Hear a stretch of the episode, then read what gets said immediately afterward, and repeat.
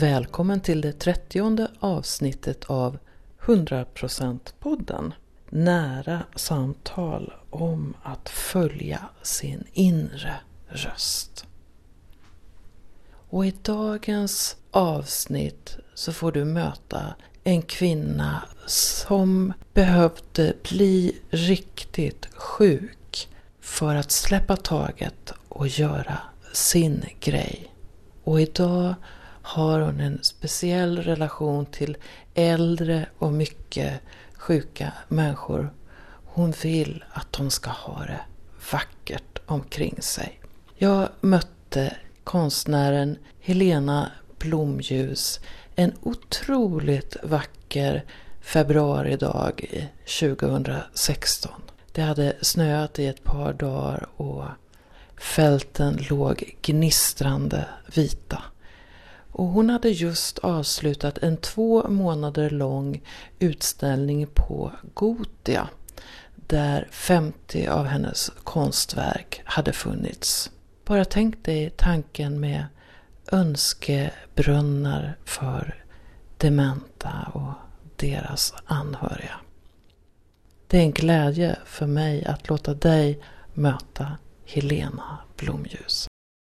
Jag befinner mig i Fjärås tillsammans med Helena Blomljus och vi sitter i hennes ateljé och det är fyllt med tyger och saker som Helena har skapat. Och mycket av det här har varit precis på en jättestor utställning på Gotia. Så det känns som jag kommer in i ett sagoland. Tack för att jag får komma hit! Härligt att ha dig här! Det är så mycket saker som jag har samlat under så många år. När jag har varit ute och rest i hela världen så har jag alltid hittat lite små guldkorn med tyger och små glittriga, vackra guldsaker som vissa saker har jag faktiskt inte riktigt vetat vad jag ska ha det till. Men sen flera år senare så hittar jag när jag nu har börjat bygga skulpturer och när jag gör mina tavlor eller när jag inreder ett rum så hittar jag små pusselbitar som passar precis ihop. Vi har ju träffats några gånger du och jag. Lite på avstånd men vi har ändå träffats lite grann. Och det är så mycket färg kring dig. Jag har bland annat eh, fått vara med och känna doften av eh, rosor som, som du har spritt. Men sen har du samtidigt ett intresse för människor som är svårt sjuka och som är nära döden. Och jag är nyfiken på den där kombinationen. Kan du berätta lite? Jag har alltid velat beröra människor känslomässigt. Ända sedan jag var liten har jag kommit på. Så jag började att arbeta som massör ute på företag.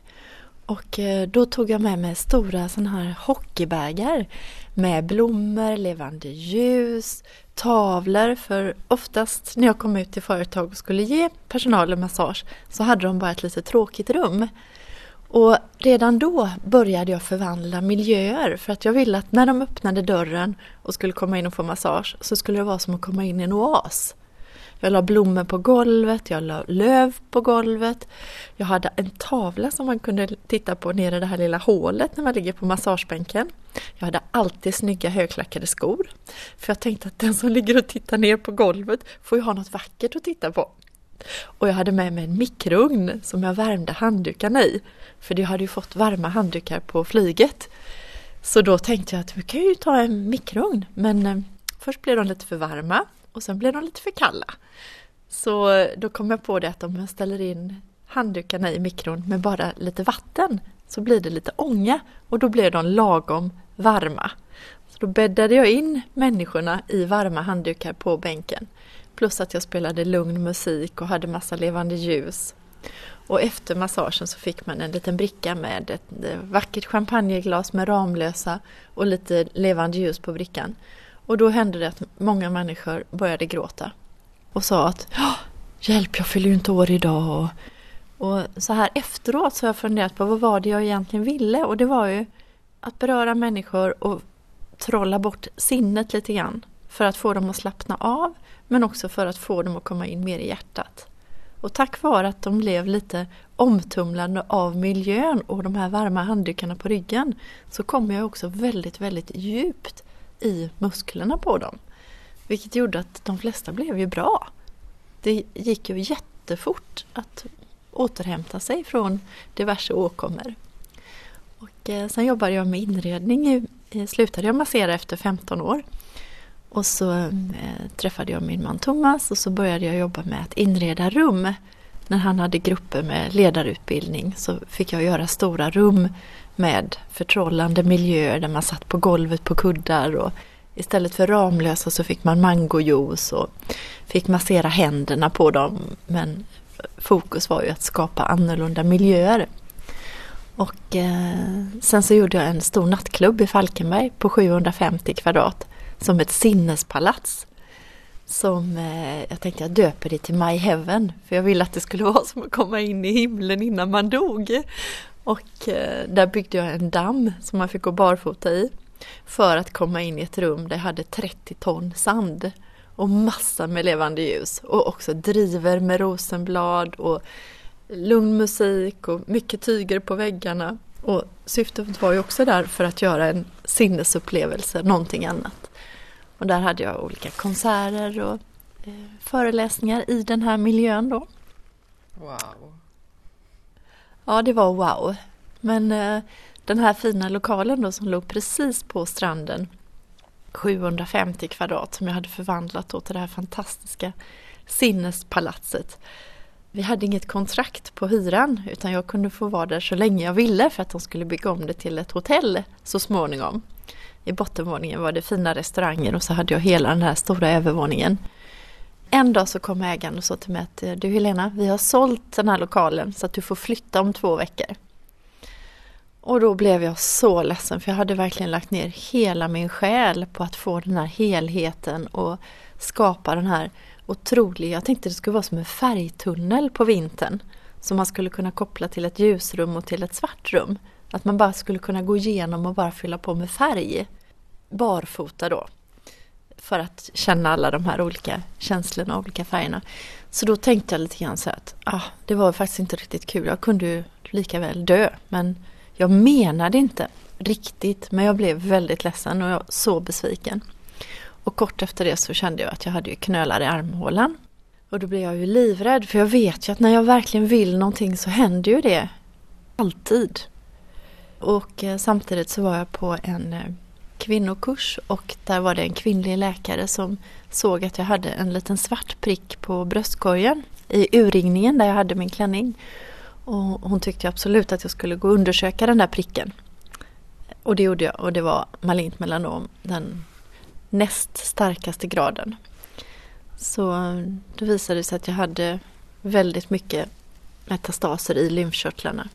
Läkarna när de opererade mig då, de sa att du kommer få en väldigt, väldigt intensiv höst och du kommer få så mycket behandlingar och vi vet faktiskt inte om du kommer överleva. Och det här var på hösten 2007. Och på våren, innan jag hade varit på den här kvinnofestivalen och innan jag hade träffat den här kvinnliga läkaren och innan jag hade knölen i armhålan så var jag på en hälsokryssning till Åland. Där var det en tjej som hade, eh, gjorde reklam för en resa till Sri Lanka. Man kunde få ayurveda-behandlingar och man kunde måla vedic art. Och jag kände bara att jag måste åka på den här resan. Jag visste inte varför men jag bara kände så starkt att det här var verkligen någonting jag ville göra. Eh, så jag bokade in mig på den i oktober. Och eh, det visade sig att avresan till Sri Lanka var en vecka efter jag var opererad. När läkaren hade sagt att det här blir inget bra. Jag hade nästan ingen känsel i hela vänster arm. Eh, för de hade ju tagit så djupt i lymfkörtlarna då i armhålan. Och läkaren sa till mig att du kommer få leva med det för att jag var tvungen att ta så djupt.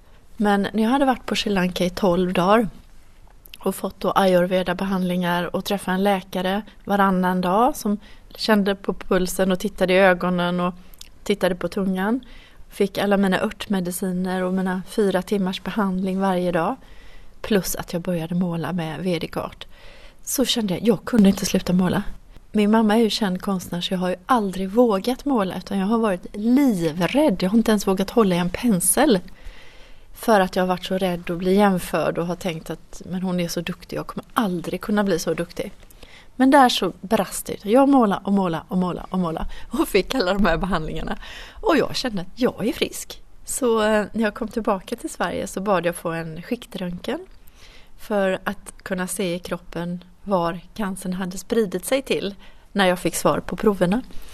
Efter väldigt mycket tjat så fick jag en sån eh, röntgen. Och sen jag kom till sjukhuset några veckor senare och så skulle få min dom vart, vart hade cancern tagit vägen i kroppen. Så sa läkaren att vi vet faktiskt inte vad som har hänt men du är helt frisk. Du har ingenting i hela kroppen. Och jag förstod ju, jag måste måla. Det är ju det som är min grej. När du säger det där så reser sig håren på mig. Ja, ja det är verkligen. Och jag vet, så jag började måla och måla och måla. Tänkte, vad kan, hade jättemycket utställningar och tänkte vad är det svåraste man kan göra då? Det måste väl vara att åka till New York. Så jag åkte till New York och gick där gata upp och gata ner på alla gallerier. Det var inga problem att kunna få vara med på en samlingsutställning och ha med två tavlor bland 50 andra konstnärer. Men det var ju inte det jag ville. Jag ville ju lägga rosenblad ute på trottoaren så att man kände att utställningen började redan där. Sedan också förmedla en helhetsupplevelse med mina tavlor och med min inredning då. Så jag gick och gick och jag tänkte att det här kommer ju aldrig gå. Men så har jag ett ordspråk som jag fått av min mamma och det är Gör det du är rädd för och du får kraft. Och låt bli och kraften tas ifrån dig.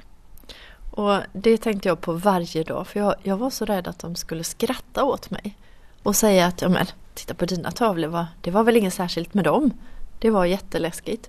Innan jag åkte så hade jag också spelat in en film. För jag jobbar tredimensionellt och ibland är det väldigt svårt att ta kort på för det blir så platt. Så jag börjar alltid en tavla med att sätta på en sån här indisk båd i tyg. Och sen brukar jag lägga på gips. Och sen vet jag aldrig vad det blir. Jag tar lite pärlor, lite paljetter, lite äggskal, lite färg. Jag tar lite det jag har. Många gånger så får, när jag vänder tavlan så får jag vända den flera varv innan jag vet vilket som är upp och ner. Och jag försöker också bara att måla när jag mår bra. För att det är det jag vill förmedla ut i mina tavlor. När jag inte mår bra då går jag i skogen eller gråter eller gör andra saker. Men det jag vill förmedla i tavlorna det är ju den här känslan av härliga känslor.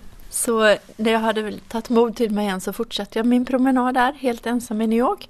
Och så kom jag in i ett galleri där jag bara kände när jag kom innanför dörren, här, här vill jag vara. Så då bokade jag ett möte med hon som ägde galleriet till dagen därpå. Och samtidigt så lämnade jag henne min film som jag hade översatt till engelska för att hon skulle kunna se lite grann. Den är bara fem minuter. Så här arbetar jag och det här är det jag vill förmedla. Så när jag kom tillbaka nästa dag till mötet så sa hon bara Jag älskar så som du jobbar och jag älskar så som du tänker. Jag vill att du ska ställa upp på mitt galleri. Men vi har ju fullt i två år. Och vi har, vi har två gånger om året har vi separatutställning och resten är samlingsutställningar. Och då tänkte jag så här, om två år, målar jag då fortfarande? Men jag tänkte, det gäller ju att spela med och vara tacksam för det. Och eh, under tiden som vi sitter och har ett möte så ringer hennes telefon och hon frågar mig om det är okej att hon svarar. Och så det är klart att du kan svara. Så då gjorde hon det. Då så, så får hon ett återbud till hela galleriet i september. Det här är februari. Så när hon har lagt, lagt på luren så säger hon bara Helena, jag har fått ett återbud och du ska ha hela galleriet i, februari, eller i september. Jag struntar i att jag har en lång väntelista för du ska hit. Och det var ju så fantastiskt. Och sen har jag varit i New York flera gånger efter det. Och jag hade, har även haft utställningar med min mamma och, och i början tyckte jag att det var jätteläskigt. Men det är också så som det är med rädslor att när man tror på dem så är de ju så verkligen jätteläskiga och det gör så ont. Och så tar man bara sticker hål på dem och så kan man inte riktigt förstå vad det var man var rädd för. Så hur hamnade du på Åsa? Jo, jag hade mycket utställningar. Flera i New York och jag fick även komma till Sankt Bart i Västindien och representera Sverige. För det hade varit ägt av svenskarna tidigare. Och det var ju helt fantastiskt. Jag fick hela stadshuset i hamnen och det var ju jättemycket människor och allt sånt där.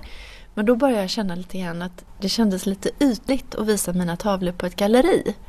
För att de besökarna som kom till galleriet, det var inte sådana som jag inte, jag ska inte säga att jag inte ville visa till dem, för det är klart jag vill visa för alla. Men jag kände inte att jag hade den effekten på människor som jag vill beröra. Så då fick jag ha mina tavlor på ett hospice. Där man har kort tid kvar att leva. Och då kände jag bara, ja, det var ju så här jag ville göra. Det var ju precis så här jag ville beröra människor. En man han kom i säng liggandes och han grät när han kom och så sa han, vet du jag har aldrig varit på vernissage. Det var tur jag fick komma på din vernissage. Och eh, en annan kvinna, hon, hon var i min ålder, hon började storgråta när hon kom in i utställningen och sprang ut igen. Och sen kom hon tillbaka och höll fingrarna för ögonen och kisade lite grann. Och så sa hon, du vet, när jag ser dina tavlor va, så ser jag paradiset. Och jag är inte där ännu. Och sen började de äldre att, ja men du vet, eh, och de yngre också då, men de som bodde på hospice, de sa, ah, vet ni jag dör, vad vill jag ha den i min säng?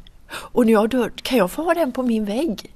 Och då kände jag, det är ju precis så jag vill arbeta. Jag vill beröra människor på riktigt och jag vill, jag vill nå människor på djupet i hjärtat på något mer sätt.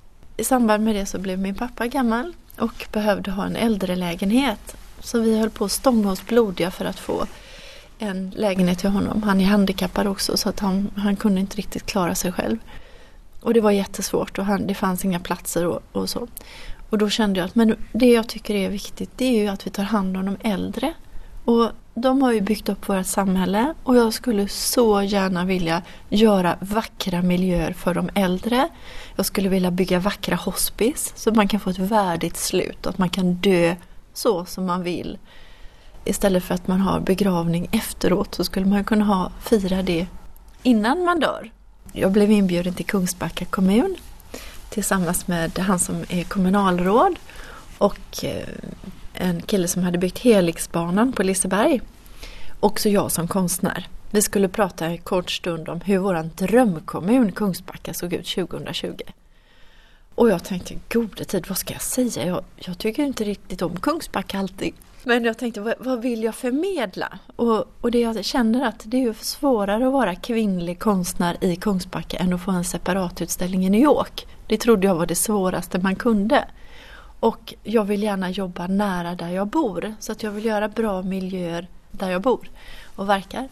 Eh, och så avslutar jag alltihopa med att det ska vara viktigt, jag visade bilder också att det ska vara vackert för de äldre och att vi måste ta hand om de äldre. Och jag vill faktiskt att det ska vara wow och du är Kungsbacka kommun. Och då efteråt så kom det fram en kille till mig som är VD på det kommunala bostadsbolaget. Och så sa han, du Helena, vi ska bygga om Åsa äldreboende. Kan vi ha ett möte i veckan?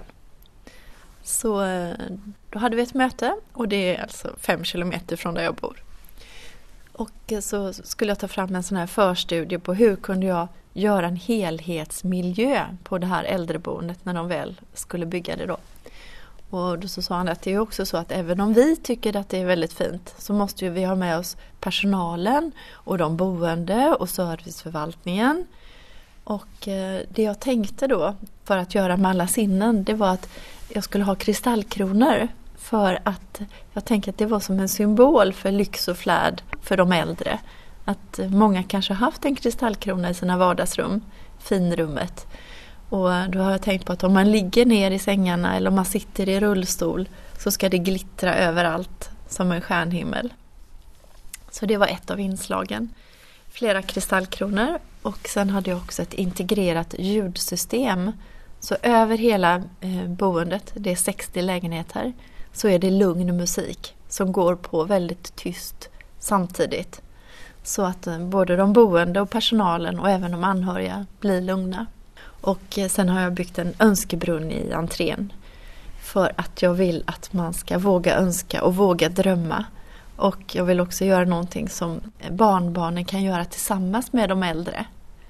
Och jag har mynt ifrån hela världen för att jag vill att det ska vara stora önskningar och stora drömmar i den här brunnen och känslan som jag vill förmedla när dörrarna går upp på Åsa äldreboende det är att man ska känna som att wow, jag har kommit in på ett lyxhotell med alla dessa kristall, det är 120 kristallkronor. Och, eh, och jag har färgsatt lite olika rum men jag har verkligen försökt att tänka mig in i det här lite kaleidoskop. Om man kommer här och tittar bort där så att kristallkronorna reflekterar sig i glaset och att det ska vara vackert och mjukt hur man än går i äldreboendet. Och det har verkligen blivit, det är nog det jag allra, allra, allra gladast för. Som jag, det känns så meningsfullt. Och sen har vi byggt lite flera, eller jag har byggt flera skulpturer av återanvänt material som de ska slänga då.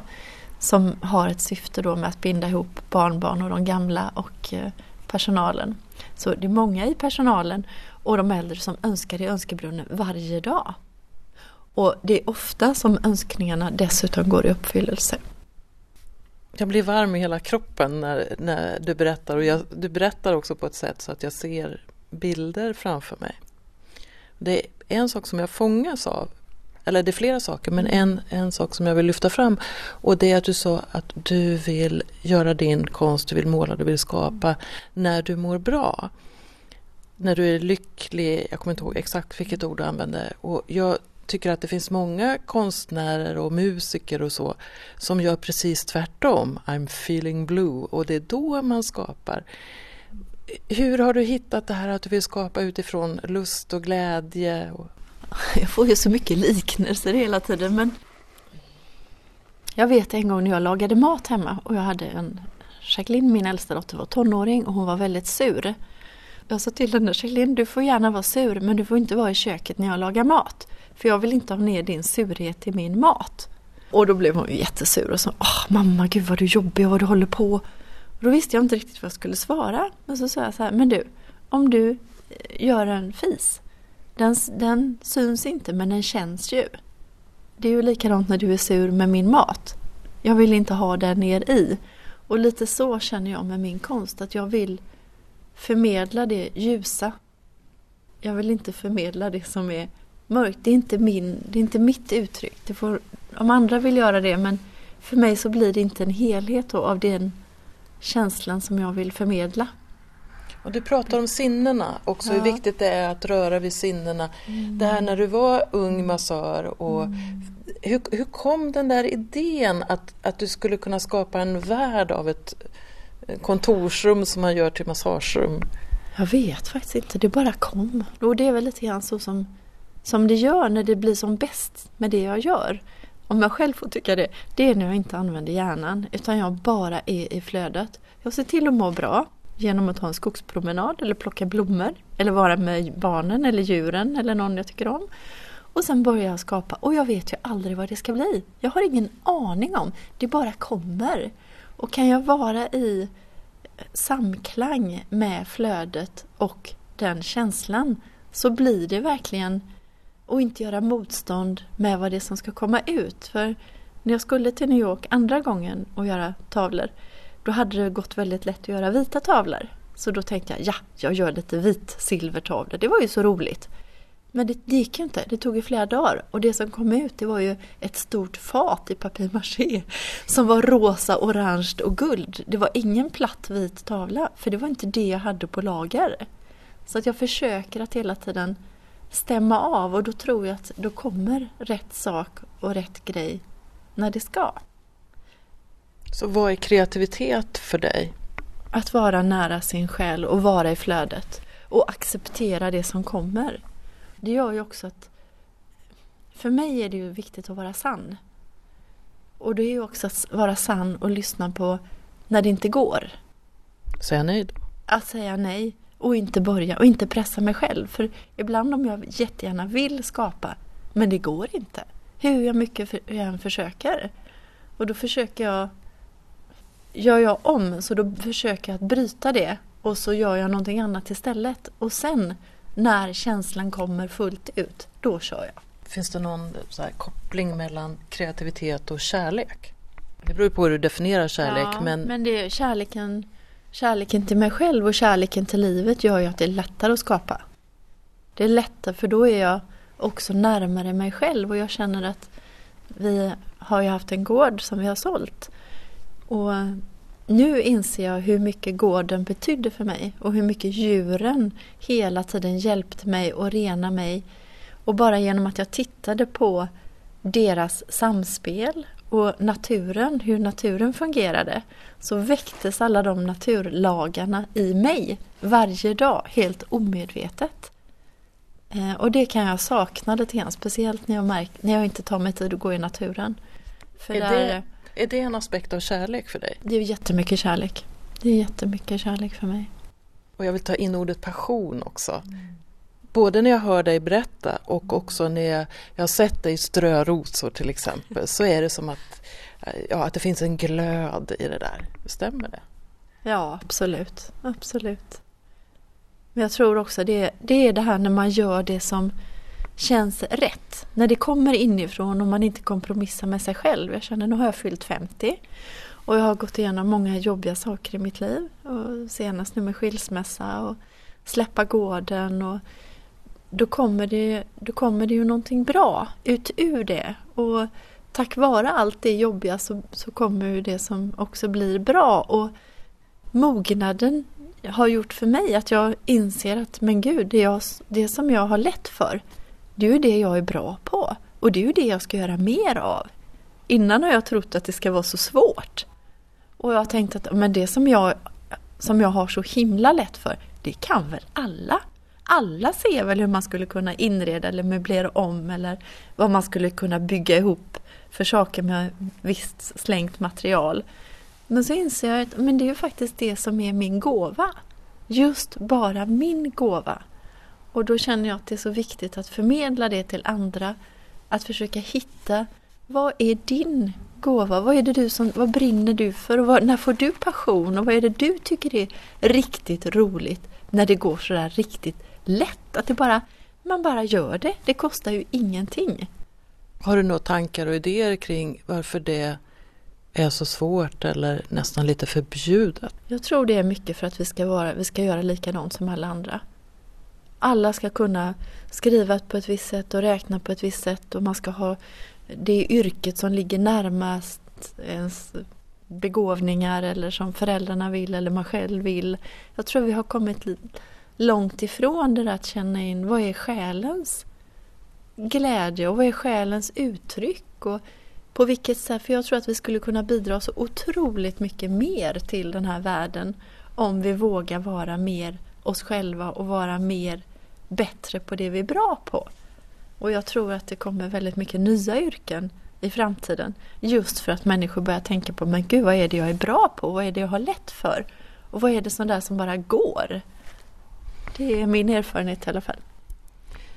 När jag sitter här i den här miljön som ändå inte är stylad för att du har precis tagit hit grejerna så ser jag för mig en liten Helena som är kanske 4-5 år som dansar runt här och får vara i din stora vuxna Helenas eh, rum.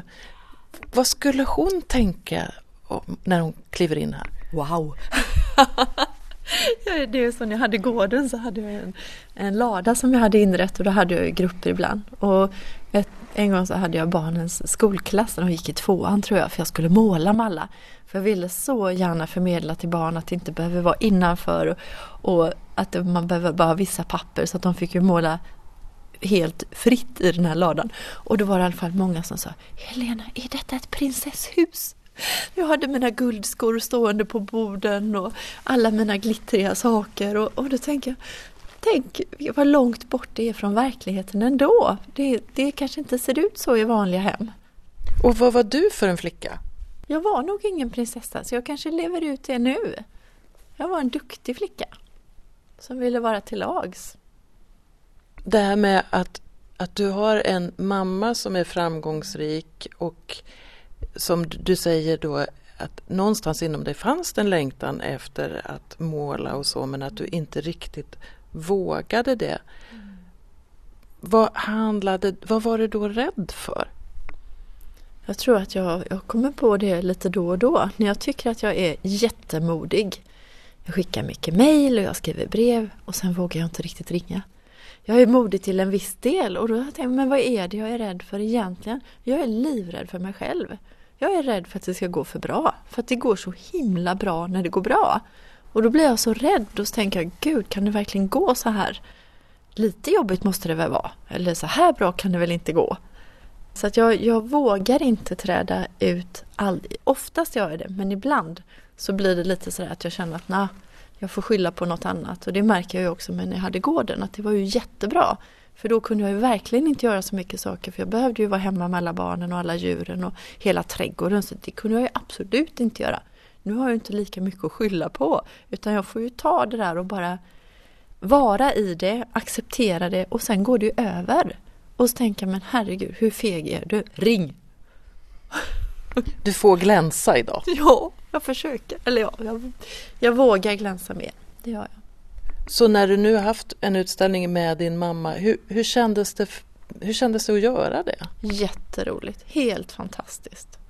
Så roligt och hon är ju så glad för min skull.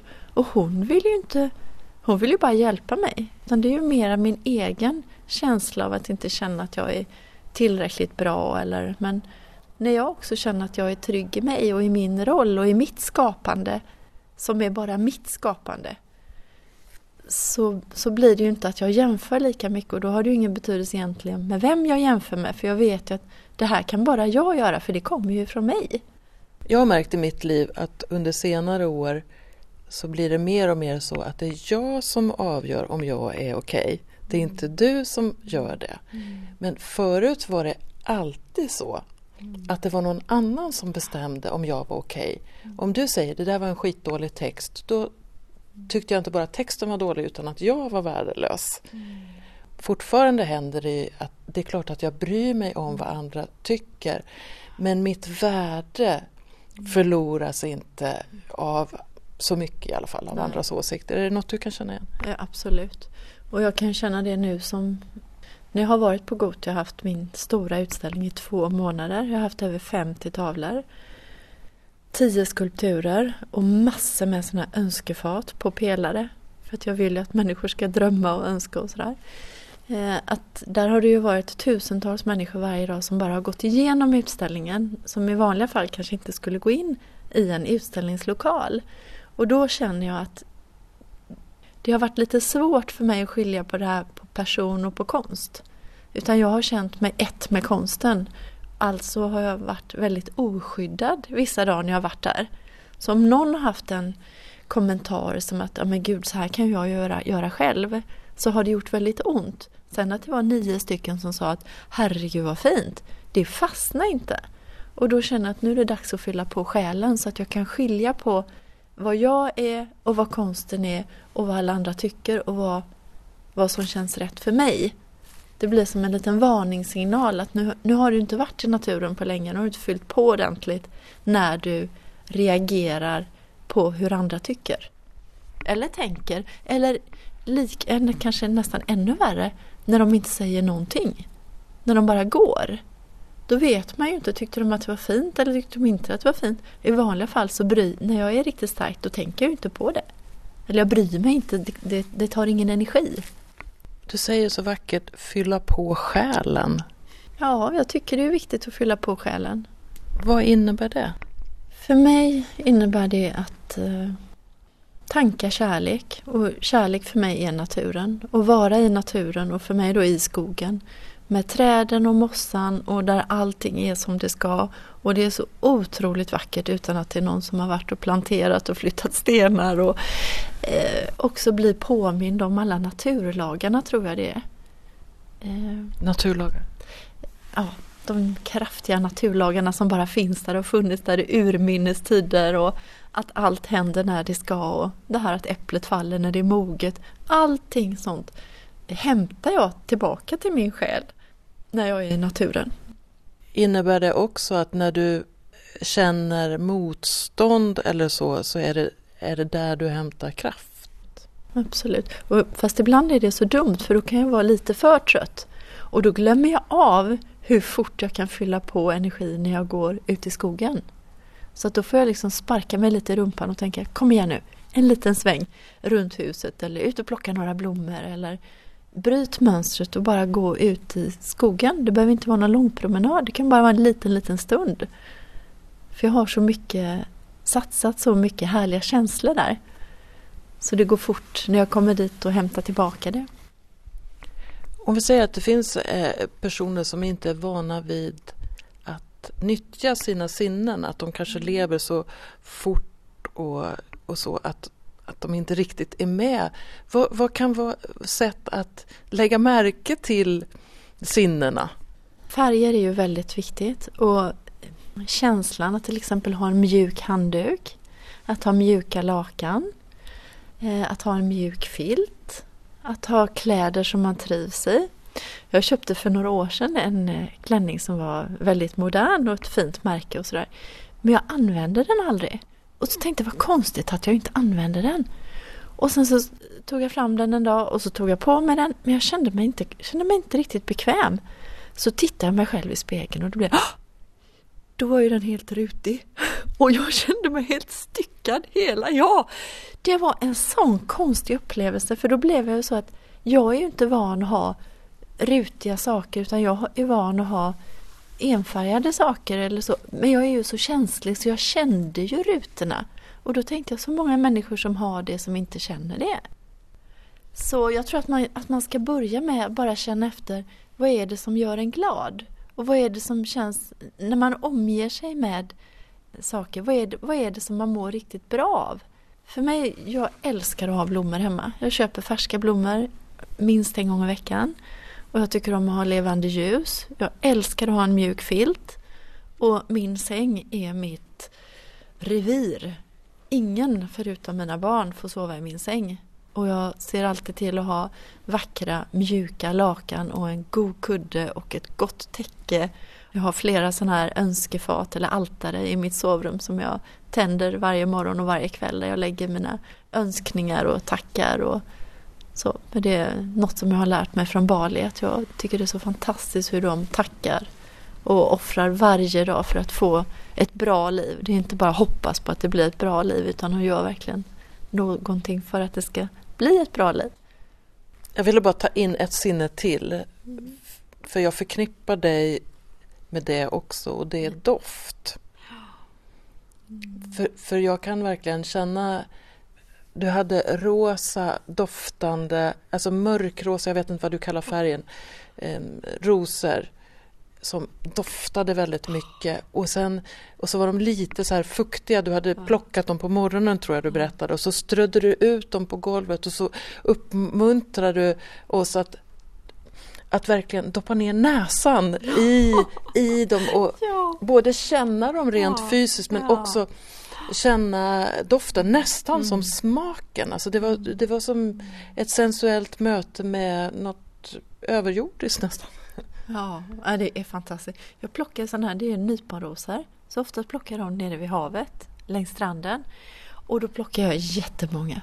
Och en gång åkte jag till en förskola och så fick barnen stora skålar med sådana här knallrosa rosenblad. Och då fick barnen doppa ansiktet ner i skålen och så fick de känna med händerna och så fick de känna med fötterna ner i eh, skålen. Och eh, det jag brukar, jag använder ofta rosenblad och lägga på golvet och strör överallt men även ha i stora skålar bara för att jag tycker det är så otroligt vackert.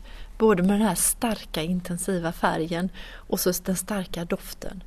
Och sen gör jag rosensaft så att man kan dricka allt det här rosa härliga och få fullt med rosa energi ner i sig också. Jag köpte mina årets första tulpaner förra veckan. Jag har en sak som jag bara vill säga också och det är det här med Åsa äldreboende. Att det behöver inte bli dyrare att göra ett vackert äldreboende. Kristallkronorna de är svensktillverkade. De är impregnerade för offentlig miljö. Så man behöver inte göra rent dem så ofta, vilket många frågar. Och de är inte mycket dyrare än de vanliga lamporna som de sätter in på ett äldreboende. Och det är ett kommunalt äldreboende så det är inte heller dyrare att bo där. Och det är verkligen någonting som jag skulle vilja uppmana fler kommuner till att göra vackra äldreboende för alla sinnen. Så de äldre verkligen får lite guldkant på sina sista år. Och likadant så vill jag göra vackra rum där man föds. Både där man föds och där man dör. Du som lyssnar på oss nu, tänk på att göra det vackert för dig själv också. Det behöver inte vara dyrt, eller hur? Nej. Absolut inte. Jag hade, många år sedan hade jag älskat fyrverkeri. Då, hade jag, då fick barnen ett tomtebloss i smörgåsen till frukost hela december. Och till slut sa de, mamma vi vill inte ha fler tomtebloss i smörgåsen. Men jag tyckte det var så magiskt och det där glittrade på morgonen med de här tomteblossen som fräste. Man kan göra mycket, mycket som inte är dyrt.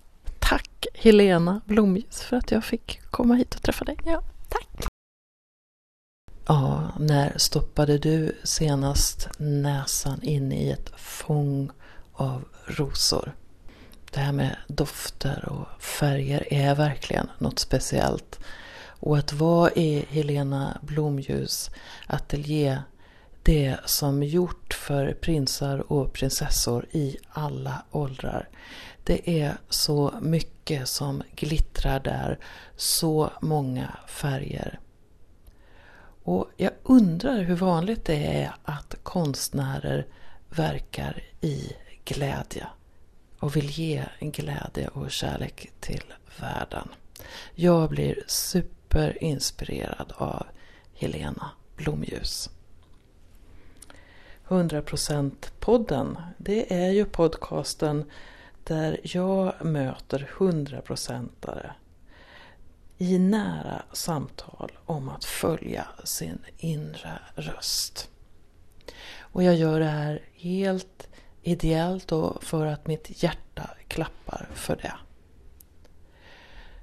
Och du får jättegärna berätta för fler att den här podcasten finns och uppmuntra dem till att prenumerera på den.